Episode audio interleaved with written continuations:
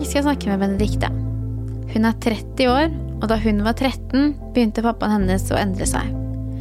Den morsomme, tilstedeværende og omsorgsfulle pappaen ble mer uforutsigbar og sint. Og det kunne virke som han var mer opptatt av seg selv enn de rundt seg. Det skulle ta ti år før Benedicte og familien hennes fikk svar på hvorfor pappaen hadde endret seg, for da fikk han diagnosen frontotemporal demens. I denne episoden snakker Benedicte om hvordan det var for henne å oppleve at pappa fikk en demenssykdom når hun selv var ungdom og ung voksen, og hvordan dette preget hennes følelsesliv. Jeg heter Celine, og jeg var 14 år da min pappa fikk en demensdiagnose. Jeg er sykepleier og jobber i aldring og helse.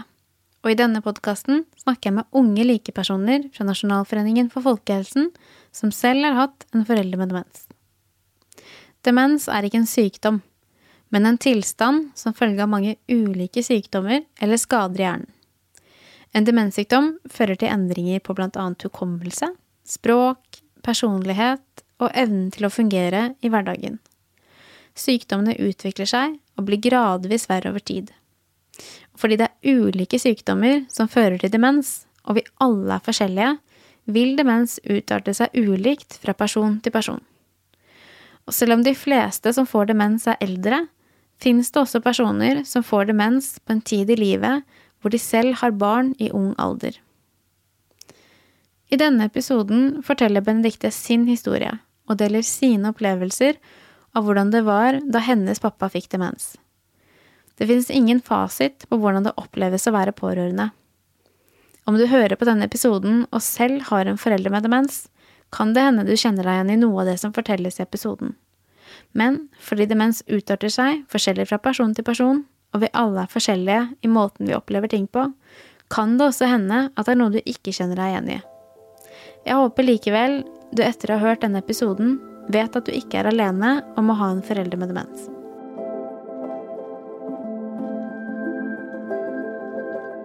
Hei, Benedicte. Hei, Celine. Jeg setter veldig pris på at du ville komme hit og dele dine erfaringer med å, å ha en forelder med demens. Og i dag så skal vi jo gå litt sånn tilbake i tid på en måte, og snakke om når pappaen din fikk demens, og mm. hvordan det var. Mm. Men så lurte jeg aller først på hvem var pappaen din før han ble syk? Pappa var en, eh, en mann som var ekstremt glad i barn. Han var eh, veldig opptatt av sine to barn, da, min bror og meg. Broren min er eh, tolv år eldre enn meg, så han fikk jo litt lengre tid med pappa. Broren min fikk alt eh, som hadde med motor å gjøre. Eh, og jeg fikk alt jeg pekte på hver lørdag, følte jeg. Eh, han var sånn som skjemte vår sport. Eh, en familiemann, men han hadde en jobb langt unna, så han hadde mye tid i helgene til oss, men lite tid i uka. Eh, han var også en mann, som var veldig opptatt av det å gjøre det bra på jobben. Um, han var opptatt av å være en god leder. Um, han var liksom en stabil og egentlig ganske morsom fyr som likte å ta rommet. Da. Han likte å showe i familieselskaper og når venner var på besøk. Pappaen til Benedicte fikk noe som heter frontallapdemens, eller frontotemporaldemens. Det er en type demens som vanligvis medfører personlighetsendringer og endringer i atferd. Denne typen demens kan også føre til redusert forståelse for vanlige normer og regler, og enkelte opplever også språkforandringer og kan trekke seg tilbake og ta lite initiativ. Hukommelsen reduseres ofte etter hvert som sykdommen utvikler seg. Personer med denne type demens har ofte nedsatt innsikt i egen sykdom. Og så er det sånn at nå skal vi snakke aller mest om hvordan han ble når han ble syk. Mm -hmm. Så hvordan hvordan ble han da? Hva endret seg? på en måte? Eh, pappa ble en helt annen person. Han hadde jo frontallapdemens. Og det som kjennetegner det litt, er jo at personligheten ofte endres. Eh, han ble en person som ikke helt styrte hva han sa. Eh, jeg var eh, ungdoms... Eh, eller en ungdom som eh, kanskje var litt utagerende Eh, i mine fraser til mine foreldre. De var det tetteste som fantes. Eh, men pappa kunne si ifra til meg at eh, hvis jeg syntes han var tett, så syntes han jeg var like tett. Han var en uforutsigbar person. Han eh, kjørte bil som om han var en villmann. Han kunne vise fingeren til bussjåføren fordi han ikke slapp den fram når han ville forbi med bilen. Han eh, forsynte seg først eh, uten at det har vært sagt 'vær så god' i familieselskaper eller venneselskaper. Um, han gjorde veldig mange rare ting som du ikke vil at en forelder skal gjøre når du er ungdom. Da skal de helst være mest nøytrale. Mm. Og hvordan var det for deg, da? Hvilke, hvilke, følelser vekket det i deg på en måte å se at pappaen din blei sånn? Jeg syns det var kjempevanskelig. Eh, jeg var nok ganske sliten egentlig uten å vite det. For jeg skulle hele tida skjule at pappa var rar. Eh, jeg prøvde hele tida å dekke over det. Hvis vi var borte hos noen og skulle spise, f.eks., så passa jeg, jeg, alltid på at jeg satt ved siden av han, sånn at jeg kunne eh, ta handa hans hvis han begynte å forsyne seg. Eh, eller holde han nede. Han var også en person som ofte gikk og røyka. Bare sånn gikk fra selskapet uten å si ifra, f.eks. Eh, så jeg var veldig opptatt av å dekke over alt det rare han gjorde. Og han fikk jo gjennomgå da, fordi han fikk jo nesten ikke lov til å kremte på et tidspunkt, fordi jeg var så redd for at han skulle skille seg ut. For når man er ungdom, så er det nok noe av det viktigste at man ikke skiller seg ut, da. Mm. Mm. Og er det da liksom denne følelsen av å være liksom flau som ja. har liksom mest prega deg mest da? Mm. Jeg var nok eh, ganske flau. Eh, jeg var eh, litt sånn trist over at jeg ikke helt skjønte hva som skjedde. For det var ingen andre foreldre som holdt på sånn. De var jo tette, de òg, hørte jeg, men de gjorde jo ikke så mange rare ting. Og vi krangla så veldig mye, så vi hadde ikke et sånn godt og nært forhold som vi hadde hatt før. da. Jeg var nok veldig pappajente. Jeg var veldig opptatt av pappaen min og ville helst sitte på fanget hans. Så jeg husker fortsatt jeg, liksom På ungdomsskolen er det kanskje ikke så vanlig å sitte på fanget til faren sin, men jeg bare husker at jeg savna altså den pappaen som holdt rundt meg. da. Jeg trengte jo ikke å sitte på fanget, men bare det å uh, ha en arm rundt seg, som var pappa det syns jeg var veldig rart. Og det hadde jo vært deilig å ha en pappa som var helt normal, da. Pappaen til Benedicte var 65 år da han fikk diagnosen frontotemporaldemens. Da hadde han allerede hatt symptomer i ti år.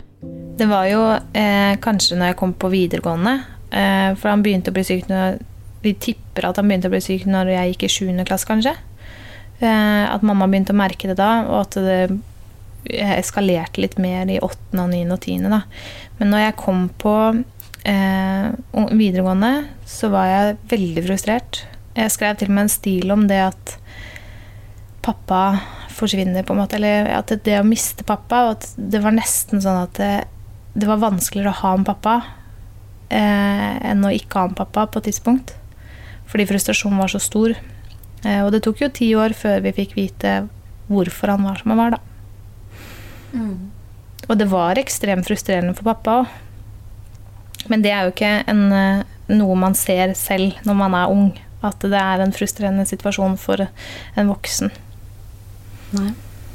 Men nå tok det liksom unormalt lang tid for dere også. Mm. Det er jo en, en litt sånn ja, Og noen opplever jo det òg, at det mm. tar ekstremt lang tid. Og det sa de jo litt om også, at pappa holdt nok veldig tilbake eh, sykdommen sin. Eh, de klarte ikke helt å forstå at han klarte å være såpass frisk etter så mange år, men de skjønte ut fra liksom, utviklinga at han måtte ha vært sjuk så lenge. Da. Men han eh, prøvde nok å skjule det litt også, og finne ut av det selv, da, hva som var galt. Og så syns jeg jo på en måte at jeg hører litt den, litt den sorgen kanskje også, av å miste pappa, på en måte. Mm. Og det er jo den, det som kan være litt spesielt, kanskje, når man har en, en man er glad i, som får demens. at man at man på en måte mister flere ganger, og personen lever jo fortsatt. Mm. Eller kroppen er der, men personen er annerledes. Mm. Var det noe du også tenkte, kjente på? Ja, absolutt. Og det den um, Jeg husker veldig godt den tida vi venta. Um, for det gikk jo en del år, og så ble blei han jo ganske mye dårligere. Altså det med at han blir dårligere, så tenker jeg på at han hadde færre responser mot oss, da. Han, hadde, han ble dårligere til å spise selv. Han ble dårligere til å prate. Han, eh, og vi var, mamma og jeg, er nok kanskje ikke de mildeste og mest forsiktige personene når vi blir irritert. Han satt jo gjerne ved bordet og ikke sa noen ting, og det irriterte oss jo grenseløst. Eh, og, da skjønte vi jo ikke hva som skjedde i det hele tatt. Og så plutselig så I den ventetida så eh, gikk jo videregående, og så skulle jeg reise jorda rundt i seks måneder. Så jeg skulle være borte. Og det at pappa på en måte ikke tok initiativet selv da, til å ringe når jeg var borte så lenge, det var ganske sårt. Og selv som ungdom da, så tror jeg man også får en litt annen tankegang eh, når man vet det er en sykdom. Man tenker liksom ok, nå skal jeg ja, På et eller annet vis kanskje man klarer å skille litt på at man inni hodet sitt tenker at ok, det er, det er sykdommen, det er sykdommen. Og selv om det er vanskelig, da, så er det jo noe annet. Ja, for jeg, jeg hadde liksom ikke noe ord å sette på det når jeg snakka med venninner. heller. Altså, jeg snakka egentlig ikke så mye med venn- venninnene mine om det. For pappa hadde jo bare blitt rar. Og de så det jo, de òg. Eh, fordi de var jo på besøk og sånn. Men eh, det var liksom ikke noe å si. Hva skulle jeg si da? At han var utrolig spesiell? Det, det er jo på en måte De så det jo, de òg, så det var jo ikke noe å snakke om. Men det var, jeg husker godt at jeg begynte liksom så smått å snakke med venninnene mine. Eh, etter hvert når det har gått lang tid, da. Men hadde du Klarte du på en måte å være ungdom og kjenne på glede, liksom? Hvordan Hadde du noen tanker om det som ung? Som du kom på? Mm, jeg klarte å være ungdom. Eh, jeg hadde nok eh, litt ungdomstida mi i eh, noe som heter Nansetensing, som er kor. Der vi sang og spilte skuespill, og jeg fant nok litt meg sjæl der. Kunne være litt kreativ. Og da glemte jeg alt som skjedde på hjemmebane. Så det var nok litt redninga mi. Um, og så var det jo Jeg var jo glad. Jeg hadde det bra. Um, det var bare tøft når pappa skulle være med, og det var en viktig del, samtidig som Det er jo litt sånn komplekst når du er ungdom. Du vil ikke ha foreldrene der, men du vil ha anerkjennelse fra foreldrene dine. Um, så de skal helst være der, men de skal helst være helt usynlige. Um, og det var nok det jeg syntes var tøffest. Når pappa på en måte, Jeg ville ha han der, men jeg ville ikke ha han der. Uh, og på håndballbanen så var han der. Så til de grader. Eh, jeg sto i mål, og han sto gjerne ved siden av. Eh, og det var, var, det var litt heftig. Eh, men jeg hadde det kjempefint som ungdom. Det hadde det bare innmari tøft på hjemmebane. Mm. Men jeg hadde det jo veldig bra hjemme òg, for jeg hadde en mamma som var kjempetrygg eh, og passa på oss. Hun var utrolig frustrert, og det har jeg full forståelse for. Eh, for det var eh, ingen lette ungdommer hun hadde i hus, for pappa var også en ungdom. Eh, og jeg også var en ganske steil ungdom. Så Nok å ha vi hadde fingra Jeg hadde nok å ta ha fingra, altså. Det var Ja. ikke noe problem å finne på noe på heimebane der. Stakkar. For pappaen til Benedicte tok det ti år og flere legebesøk før han fikk demensdiagnosen. Det kan ta lang tid før yngre personer med en begynnende demenssykdom får stilt riktig diagnose. Årsakene til dette er nok sammensatte, men én grunn er at demens er mye sjeldnere hos yngre enn hos eldre personer, og at demens derfor ikke er det første en tenker på når en opplever endringer hos personer under 65 år. Ja, nå tok det jo veldig lang tid før eh, pappaen din fikk demensdiagnosen. Mm. Vil du fortelle litt om veien til diagnosen, på en måte, og hva du, hva du følte når han fikk den diagnosen? Det var, eh, det var jo en lang vei. Eh, Ti år er veldig lenge for å leve i eh, en sykdom. Både for pårørende og for han. Han var kjempefrustrert eh, over sin situasjon. Eh, Han gikk eh, til en psykiater, og psykiateren eh, ga opp, rett og slett, pappa. Han sa 'jeg har ikke peiling på hva det er gærent med deg'. Han fikk også noen andre diagnoser, som schizofren. Um, noe vi ikke helt kjente oss igjen i. Den syntes vi var vanskelig. Det var greit at han hadde endra personlighet, men han gikk ikke inn og ut av personligheter. Um, så etter hvert, eh, når eh, vi endelig eh, fikk han med på å legges inn på psykiatrisk avdeling, så skjønte de fort at her er det demens. Og da ble vi henvist videre til Granli sykehus. Der de sa at dette er en frontallappdemens. Um, og det var jo en lettelse og en sorg, det å få en demenssykdom. For du blir ikke frisk av en demenssykdom. Um, men det var en lettelse fordi da fikk vi liksom vite hvorfor pappa hadde blitt som han hadde blitt. da. Uten at uh, det var noen skyld at han hadde blitt sånn. Vi trodde han hadde gått på veggen i jobben sin, f.eks. For, eksempel. for han pendla fram og tilbake til Drammen. Og han mista jo jobben. Plutselig kom han hjem og sa at han aldri skulle på jobben mer. Mm. Mm. Og det er jo det er jo ikke unaturlig at det tar litt lengre tid å, å sette en diagnose på yngre med demens. Det altså personer under 65 år, da. Mm. Um, som pappaen din var, mm. før når han begynte å endre seg. Mm. Um, men det tok jo nok unaturlig lang tid. Ti år er veldig lenge. Uh, å leve i en usikkerhet og ikke vite hva som er grunnen da, til mm. at Eller i det hele tatt ja, vite om det er Er dette pappa, eller er det, er det noe faktisk galt, da. Mm. Og det er jo ganske sjukt å tenke på, men det begynner jo å bli ganske mange år siden faktisk han blei syk. Eh, han levde jo med sykdommen i 15 år. Eh, og nå er det tre år siden han døde. Så det betyr jo at det er ganske mange år tilbake. Og, og forskninga har jo hjulpet oss der på at eh, det blir utreda tidligere. Og tenker jeg da, det er nok mer opplyste leger eh, nå, håper jeg, for det, det har nok prega litt sykdomshistorien, da. For det er jo også viktig å presisere at det er jo noen, er noen år siden. Ja. ja eh, selvfølgelig. Jeg tenkte vi skulle snakke litt om, om disse, disse, kontrastene i livet. Mm. Sånn det å liksom være Du hadde jo på en måte to deler av livet ditt. på en måte. Du hadde mm. den der frie ungdomstida på den ene siden, mm. og så var det nok sånn som jeg hører, at det var jo sikkert mye tunge ting hjemme, mm. liksom. Mye ja, vil du fortelle om de kontrastene i følelsene dine, på en måte? Sånn, mm. hvordan det var å være, ikke være hjemme kontra det å komme hjem igjen, liksom?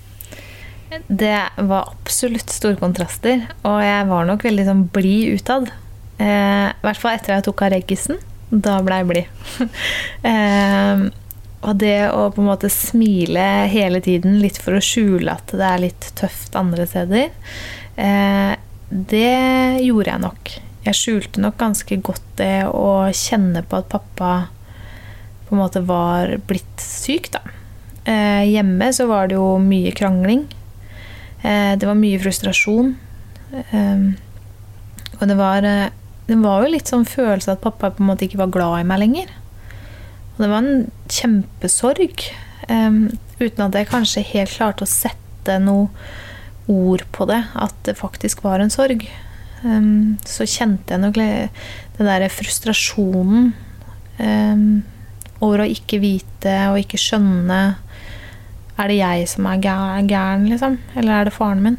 Um, så det var det å leve et liv på hjemmebane som var liksom du visste ikke hva som ble slengt etter deg, da. Eh, eller hvis jeg slengte noe til han, så, så fikk jeg høre det samme tilbake. Um, og det å på en måte smile og være glad og alt er helt fantastisk uh, når jeg var utafor døra, da. Mm. Uh, og det er jo en uh, Det er jo en sykdom som preger veldig en kjernefamilie. det er ikke bare den som er syk, som opplever at det er vanskelig. Så um, kjernefamilien blei jo på en måte veldig splitta. Eh, broren min syntes jo det var veldig tøft. Eh, for han tok nå litt avstand til det at pappa var sjuk. Eller vi visste jo ikke hva det var. Så det var mer naturlig å på en måte trekke seg litt unna da, til tider. Så um, man blir i en sånn boble. Og vi løste den bobla mye med galgenhumor. Vi har ledd veldig mye. Eh, jeg er en person som har vært veldig dårlig på å gråte. Ehm, det har hjulpet litt etter at jeg fikk den, den fantastiske ungen min. Eh, så Edvin han har satt i gang tårekanalene mine. Men eh, jeg gråt nok ikke så mye. Men vi lo mye. Og jeg var mye frustrert og sint. Er nok følelsene. Og så kom nok de med følelser rundt um, sorg og sånn, de kom nok litt sånn senere for meg. Eh, når man visste hva det var. Jeg vet jo mange som Eller flere som, som når man er ungdom og, og opplever det at uh, foreldrene dine endrer seg på en måte uten at man vet hvorfor. Og noen ganger også kanskje når man vet hvorfor. At man kan kanskje få litt den følelsen av at at man kunne gjort noe for å forhindre de reaksjonene hjemme. måte. Mm. Jeg, jeg for eksempel tenkte ofte sånn og hvis jeg bare hadde vært snillere nå, kanskje det kunne hjulpet. Eller at jeg mm. gjorde alt jeg kunne for å unngå reaksjoner. da. Mm. Var, det litt, var, det sånn for deg, eller tenkte du noen ganger at, at, du kunne gjort noe for å forhindre at han ble sint, eller? Jeg tror kanskje jeg var litt mer rampete enn som så. Eh, jeg var nok heller der at eh, altså Hvis jeg mente noe, så mente jeg det, og da sa jeg akkurat hva jeg mente. Jeg var nok ikke lur nok til å på en måte la være å pirre opp til det. Nei, det var jeg ikke. Det, det burde jeg kanskje hatt litt mer selvinnsikt på den gangen. Men eh, jeg var nok eh, Det kom nok for mye mot meg, på en måte. At pappa hadde for mange reaksjoner. At jeg ikke helt klarte å være den snille dattera som på en måte skulle prøve å roe det ned. Jeg gjorde absolutt det ute blant folk. Så gjorde jeg sånn at det ikke skulle bli noe gærent for han. Sånn at han reagerte på noe vis. Men hjemme så gjorde jeg ikke det. Men uh, ute blant folk, så når vi var borte og sånn, så gjorde jeg absolutt det.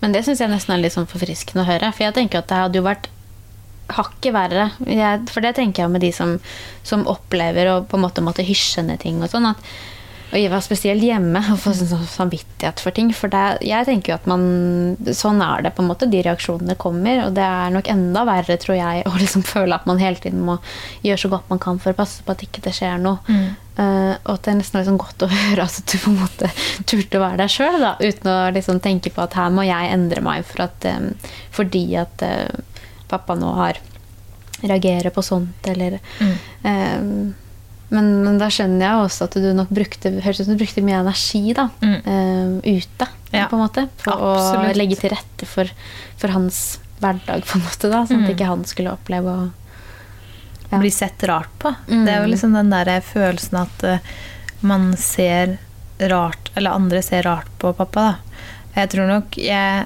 beskytta jo meg selv, men jeg prøvde jo også å beskytte pappa på et vis. Uh, for jeg ville jo ikke heller at han skulle oppleve at noen andre på en måte så på han som en rar person. Det var ikke bare meg det handla om. Men uh, For det var jo flere vi på en måte hadde vært mye sammen med, sånn, så plutselig ble han annerledes og rar for dem. Da, og det syns jeg jo var veldig trist, det òg. Um, ehm, og det er jo Man blir jo litt sånn i dette samfunnet som vi er i, at er du litt utafor normene, så blir du sett litt rart på og særlig blant ungdommer. Så eh, det å ikke passe A4, det skaper ofte litt frustrasjon og utfordringer, da. Mm.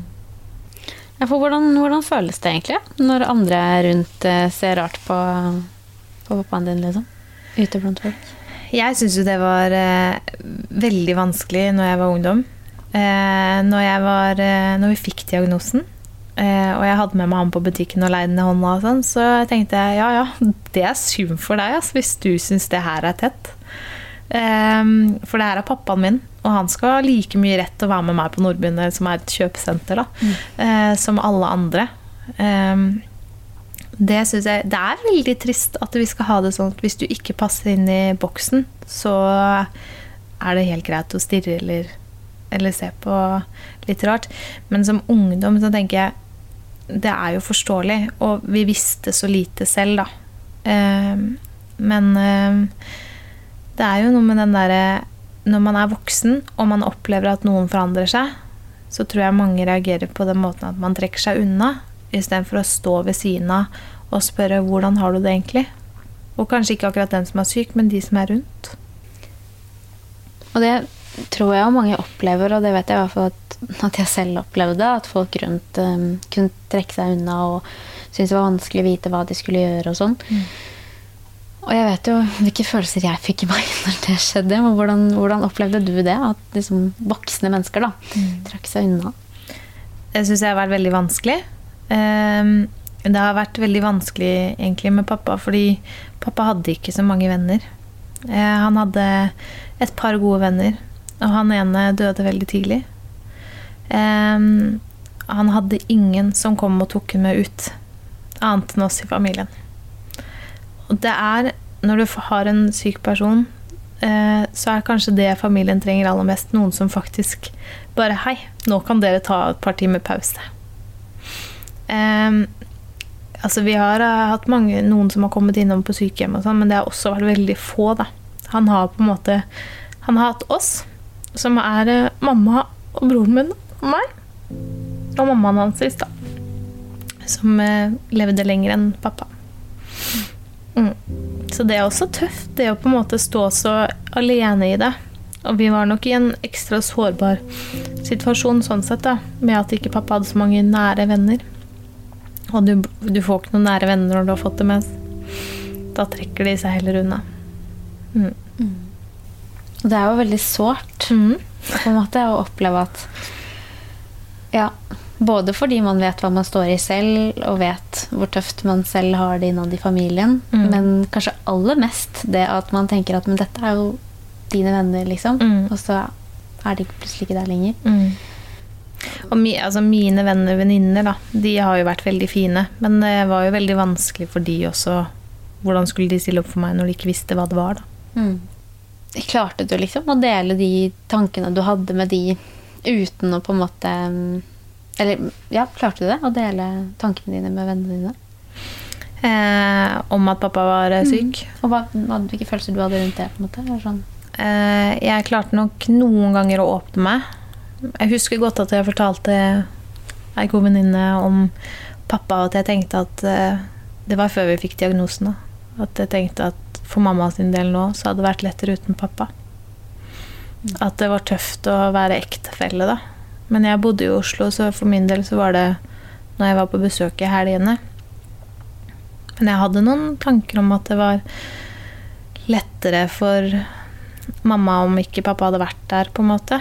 Ehm, men jeg var også veldig Det var mye frustrasjon jeg snakka om. Men det var så vanskelig å snakke om det, for det, jeg visste ikke helt hva jeg skulle si, da. Måte, når du ikke har noen diagnose, så er det veldig vanskelig. Men når pappa fikk en diagnose, så snakka jeg mye om det. Eh, da hadde jeg nok litt behov for å tømme meg. Eh, og når pappa fikk en diagnose på Granli sykehus, så opplevde jeg også at jeg møtte andre som sto i samme situasjon. Da. Og det hadde mye å si. For når du har levd sånn i ti år, og uansett så mange du forteller det til av venninner, da, de aner ikke hvordan det har vært. De har ikke sjans til å sette seg inn i det. Um, men det hadde jo faktisk de som hadde noe av samme erfaringen. Så det var veldig godt, da. Det var jo en av de mest positive tinga etter diagnosen. Og så sa du det nå at du på en måte når du fortalte den til venninna, så bodde du i Oslo, så da regner jeg med at du var du student. Og da, Mm. det må jo ha vært en god del år etter at um, Etter at pappaen din begynte å endre seg, da. Så dette var kanskje ikke sånn kjempemye du snakka om Skilte, Prøvde Du å skille litt på det, og være liksom ute var du tenkte på andre ting, og så Når jeg var ungdom. Ja. Mm. Mm. Ute så tenkte jeg Da var på en måte pappa litt slått av fra hjernen. Jeg trengte jo ikke å passe på han. Nei. Og han eh, var jo hjemme som regel, eller så var han ute og kjørte bil og kjøpte pinup og cola på Statoil. Mm. Det var liksom det han gjorde, og så satt han ved datamaskinen og skrev. Mm. Og det var jo greit. Mm. Så han, var jo, han blanda seg jo ikke inn i det jeg gjorde uansett, for så interessant det jeg gjorde, var det jo ikke. Han syntes jo ikke noe utenfor sin sfære heller var interessant, da. For det er jo noe med den diagnosen at man blir jo litt sånn um, ikke, altså Jo, interesseløs, da. Eller man, man er, er, tar nok ikke så mye interesse for det som skjer rundt seg. Nei. Eller som ikke gjelder en selv.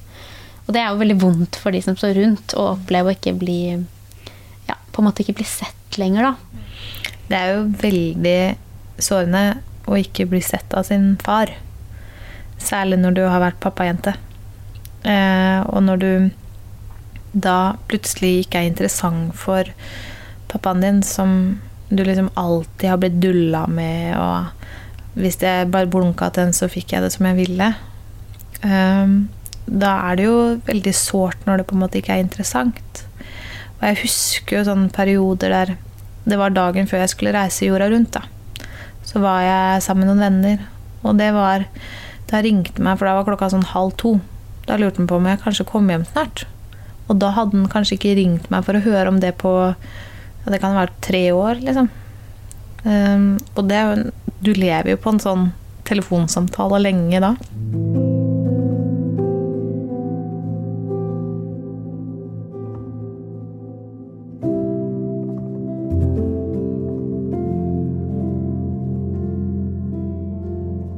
Nå har vi jo snakket om masse ulike følelser mm. som jeg tenker at um, som man har. Både når man er ungdom rundt spesielt kanskje sånn 14-15-16-årsalderen, sånn det, mm. det, du var. Og, men selvfølgelig også sånn når man blir eldre og er ung voksen. Um, jeg, er, det, er det noen av de følelsene du tenkte at det var forbundet også med det å ha dårlig samvittighet for at du følte på de følelsene du følte på? Ja. Eh, tja. Jeg hadde i hvert fall mye dårlig samvittighet. Mm. Eh, jeg har nok kanskje i senere tid hatt litt dårlig samvittighet for at jeg har vært såpass hard mot pappa. Eh, at vi At er liksom, ja, absolutt den der dårlige samvittigheten med at det hadde vært bedre for mamma at ikke Eller den tanken om at det var bedre for mamma uten pappa. Den har jeg nok liksom kjent litt på. Men i det øyeblikket der så tror jeg liksom frustrasjonen var så innmari stor for at ikke, vi ikke visste noe. Og han bare blei dårligere og dårligere. Men sånn dårlig samvittighet, det tror jeg i hvert fall sånn etter hvert. Eh, jeg valgte f.eks. ikke å flytte til Trondheim. Ehm, jeg ville flytte til Oslo. For det er kort vei til Larvik. Eh, for da kunne jeg være litt sammen med pappa. For jeg visste at eh, dette ville nok gå én vei før diagnosen også, så skjønte jeg at her er det Det er ikke sånn at pappa kommer til å bli frisk med det første. Og når diagnosen kom, så var jeg enda mer hjemme. Eh, og bro, nei, broren min jeg bodde jo hjemme, og han hadde jo litt kontakt med dem, selvfølgelig, og stilte opp for mamma, han. Men det var noe med den der samvittigheten å være sammen med pappa, da. For når du får en diagnose, eh, og du får beskjed om at det kanskje er ett år igjen, da får du lyst til å nyte det året. Eh, og se lyspunktene og lete etter stjerneskudd. Nå har vi det bra. Det er jo nå tre år siden pappaen din døde. Um, og hvordan har, hvordan har, følelseslivet ditt utvikla seg etter det? Du har jo fått barn. Så jeg har skjønt at det med tårer og tårekanalene de har virkelig åpna seg etter det. Det har nok endra seg, men det av andre grunner, kanskje. Ja. eh, jeg tror eh, Altså, det å ha en pappa med demens, eh, eller ha hatt det, da, eh, er ganske sånn følelsesmessig belastende. Eh, du går gjennom eh, perioder i livet der du trenger pappa. der du tenker at Åh, nå kunne jeg trengt en pappa som hadde stilt opp til å slå inn en spiker eller gjøre noe handy ting som han ikke fikk til, men han ville stilt opp og prøvd. Eller bare ringe pappa og spurt om han kunne hjelpe til å bære litt, da. Eh, og eh, det å ikke ha en liksom, farsrolle er nok eh, Det er jo ikke gitt at alle får en pappa, men nå hadde jeg en veldig bra pappa. Og det å miste den har vært veldig sårt. Skal vi se um, Og pappa kunne ikke Skal vi se Le av meg der, da. Eh, når du på en måte blir eldre, da, så er det mye som skjer. Du flytter sammen kar, da. Eh, min mann fikk jo oppleve pappa. Aldri som frisk, men eh, som syk. Eh, og eh, pappaen min ble veldig trygg på Snorre. Eh, og det og har vært Hæ? Ja, mannen din. Ja. Mm. Eh, og det var veldig fint. Eh, Snorre fikk lov til å hjelpe pappa mye eh, på sykehjemmet. Og det er nok mye Oi, oi, oi. Det er mye som skjer, da. Når du eh, Etter du fyller 20, så er det mye som skjer. Og Snorre eh, spurte pappa om det var greit. Om eh, vi kunne gifte oss. Og da sa pappa det var greit.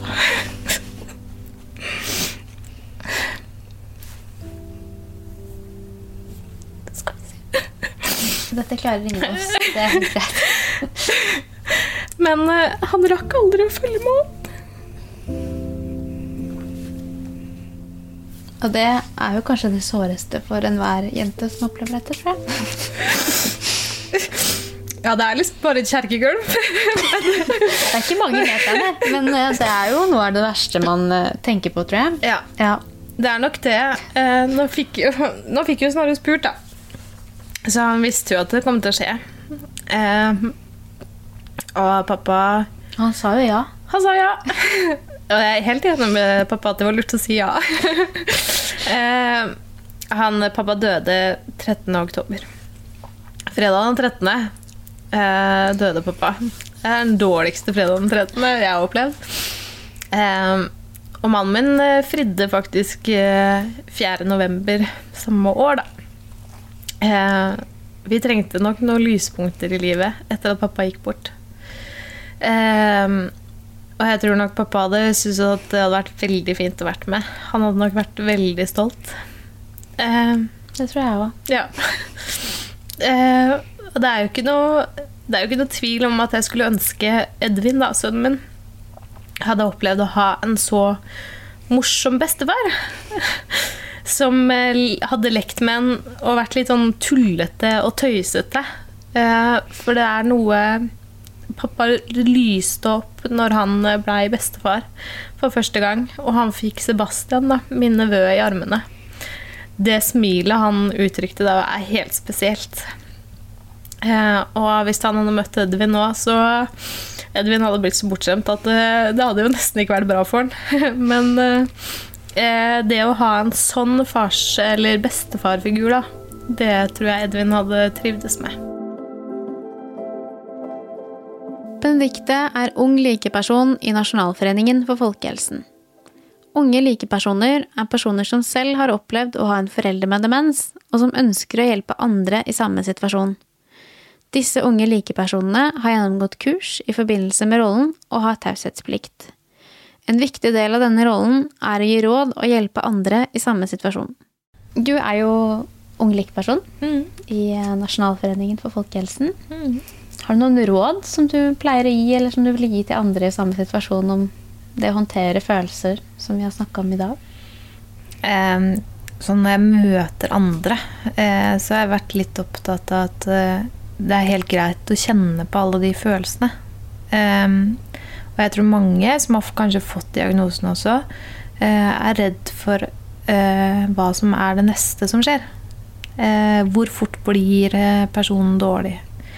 Hvor fort eh, går det til han eller hun blir borte? Helt borte? Eller dør? Eh, og det å på en måte prøve å snakke litt om, i hvert fall med de nærmeste, da. Hvordan, hva føler du på? Og at det er lov å ta fri. Det må være lov å ta fri fra demenssykdommen og ikke ha dårlig samvittighet for at man kanskje ikke den uka orker å være sammen med den syke personen. Det er helt greit. Ehm, og det å ikke gå rundt med dårlig samvittighet, for det hjelper ingen. Dessverre så hjelper ikke det noen. Um, så det er, en, uh, det er rådet mitt. Og så er det kanskje et av de viktigste rådene, tror jeg, er å prøve å skape lyse punkter. Lyspunkter i livet uh, med den som er syk. Legg til rette på alt. altså Prøv å finne et eller annet som gjør at dere kan oppleve noe sammen. Det skal ikke så mye til for å skape noen gode øyeblikk sammen. Og man lever så veldig på det, da. Og det, det tror jeg er viktig. Men eh, jeg tror nok det her med å ikke ha dårlig samvittighet. Eh, og det å snakke om følelser. Jeg er ikke så veldig god til å snakke om følelser selv. Eh, med andre. Så jeg tenker at det er lurt, da. Prøve. Og det å ha venner. Eh, snakk med vennene dine og si at du har det vanskelig, eller ta deg en pause med vennene dine. For de står ikke opp i det samme.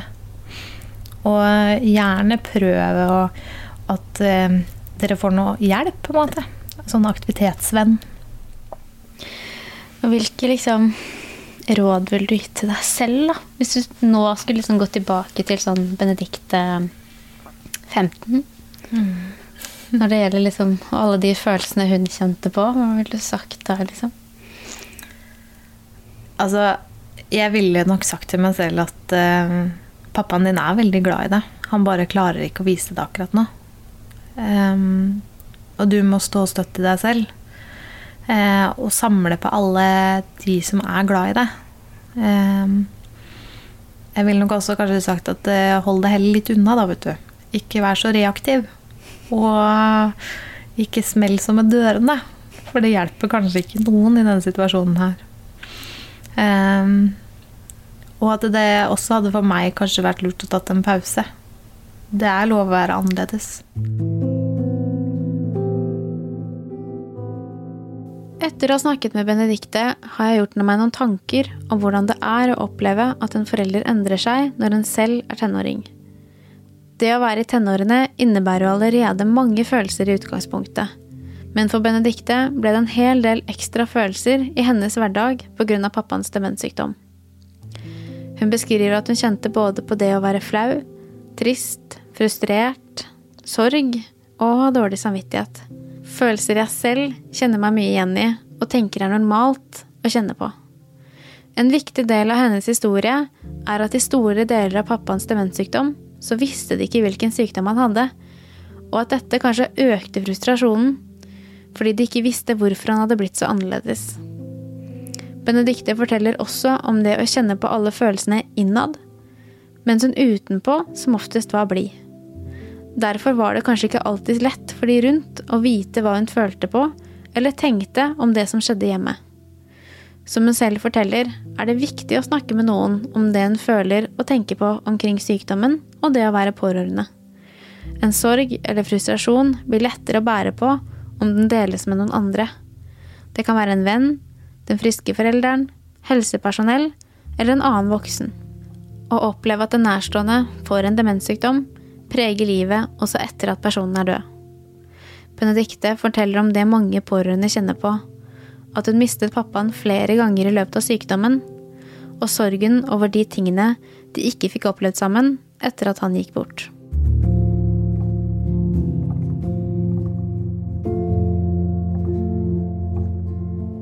Dette var den siste episoden av podkasten Tid til å være ung for denne gang. Jeg håper du som lytter har fått et innblikk i hvordan det kan være å ha en oppvekst hvor en av dine nærmeste har en alvorlig sykdom. Hvis du selv er i samme situasjon, så håper jeg du har kunnet kjenne deg igjen i noe av det episodene handlet om, og at du derfor kanskje kjenner deg litt mindre alene om å ha en forelder med demens.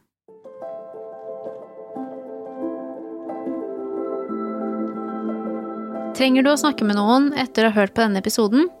Ta kontakt med helsesykepleier på skolen, demenskoordinator, fastlegen eller annet helsepersonell rundt deg. Du kan også ringe Mental Helses hjelpetelefon på 116 123. Hvis det haster å snakke med noen, kan du ringe alarmtelefonen for barn og unge på 116 111. Har du selv en forelder med demens og ønsker å snakke med en i samme situasjon, kan du ta kontakt med Nasjonalforeningen for folkehelsens unge likepersoner. Har du spørsmål om demens, kan du ringe Demenslinjen på 23 12 00 40. Aldring og helse har landsdekkende tilbud for barn og unge som har en forelder med demens. Les mer om disse og få annen informasjon om demens på tidtilværeung.no. Denne podkasten er laget av Nasjonal kompetansetjeneste for aldring og helse. Jeg heter Celine Haaland Johansen. Ansvarlig produsent er Martin Lundsvold. Fagkonsulent er Tale Kinne Rundquist. Teknisk produksjon er gjort av Headspin. Musikken er produsert av Synkpoint. Podkasten er laget i samarbeid med Nasjonalforeningen for folkehelsen på oppdrag fra Helsedirektoratet som en del av pårørendetiltakene i regjeringens demensplan. Takk for at du hørte på.